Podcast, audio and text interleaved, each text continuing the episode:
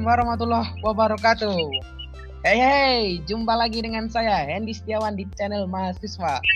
Saya adalah audipreneur dari Unisba, kampus terbaik di Blitar saya.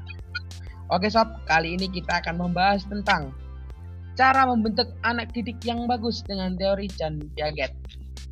Sebelum ke materinya, gua nggak sendirian nih, gua ditemenin oleh bintang tamu kece idaman anak PGSD siapa lagi kalau bukan Octavianus Aldika. Hai, saya Octavianus Aldika. Nah, sob, kita sambung ke materinya.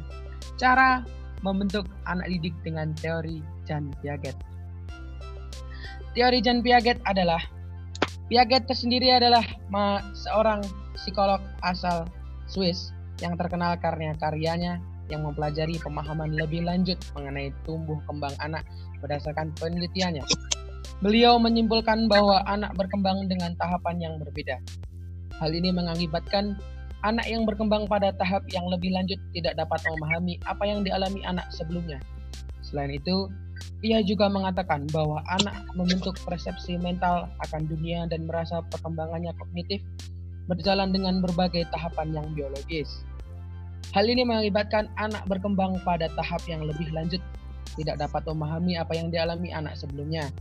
Selain itu, ia juga mengatakan bahwa anak membentuk persepsi mental akan dunia dan merasa bahwa perkembangan kognitif anak berjalan dengan berbagai tahapan yang biologis. Tahapan ini pun dilakukan dengan interaksi melalui lingkungan sekitar.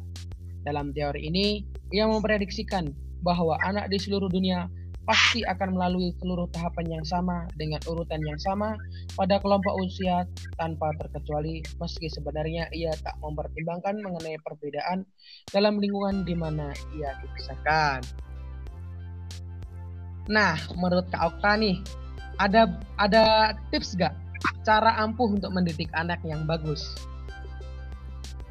Ada dong.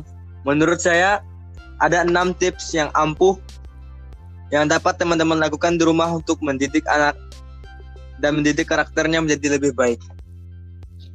Yang pertama, bersikap lembut dan tunjukkan kasih sayang yang tulus. Sebagai orang tua, selalu bersikap lembut kepada anak adalah hal mutlak yang harus dilakukan. Sebab, hanya dengan tutur kata yang lembut, seorang anak akan mendengarkan perkataan dari orang tuanya. Selain dituntut untuk bersikap lembut kepada anak, orang tua juga selayaknya memberikan kasih sayang yang tulus dan utuh kepada anak. Salah satu contohnya adalah dengan mengatakan kepada anak bahwa Anda sangat menyayanginya.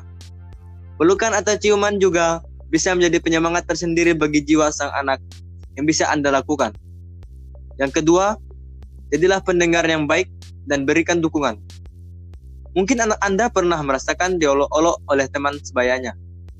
Sebagai orang tua yang baik, cobalah untuk melakukan pendekatan agar si anak mau bercerita. Di saat seperti itu, Anda dituntut untuk menjadi pendengar yang baik dan mampu mendengarkan semua keluh kesah si kecil.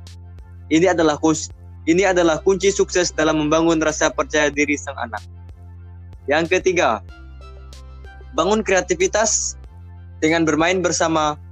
Mengajarkan anak bukan berarti harus selalu membuat peraturan-peraturan baru, yang tidak menyenangkan baginya, akan tetapi juga bisa dengan cara bermain bersama.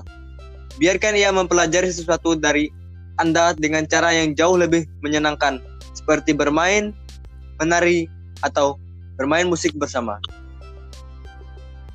Yang keempat, jadilah panutan dan idola untuk anak Anda. Pada umumnya, setiap anak memiliki idola superhero di dunia imajinasinya. Namun di dunia yang sesungguhnya, ia juga pasti ingin memilikinya.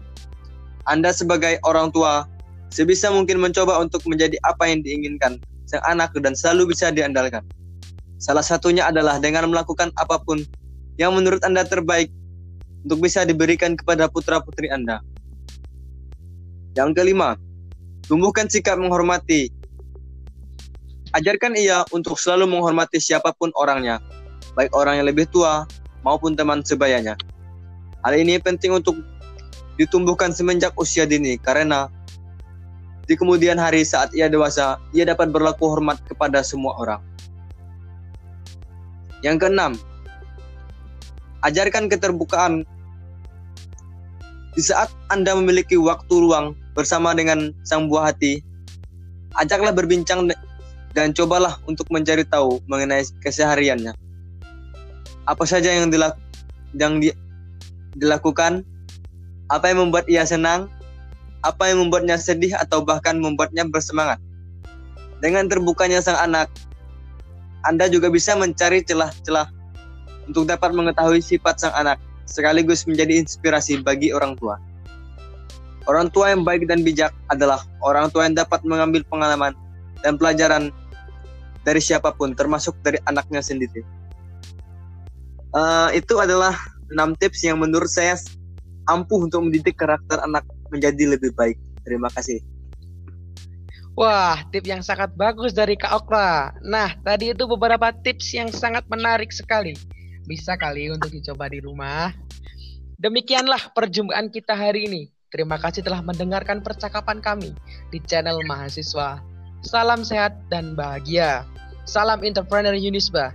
Kreatif, integratif, inovatif, dan energi. Saya Hendy Setiawan dan saya Octavianus Aldika. Pamit undur diri. Wassalamualaikum warahmatullahi wabarakatuh. Salam mahasiswa. Salam mahasiswa.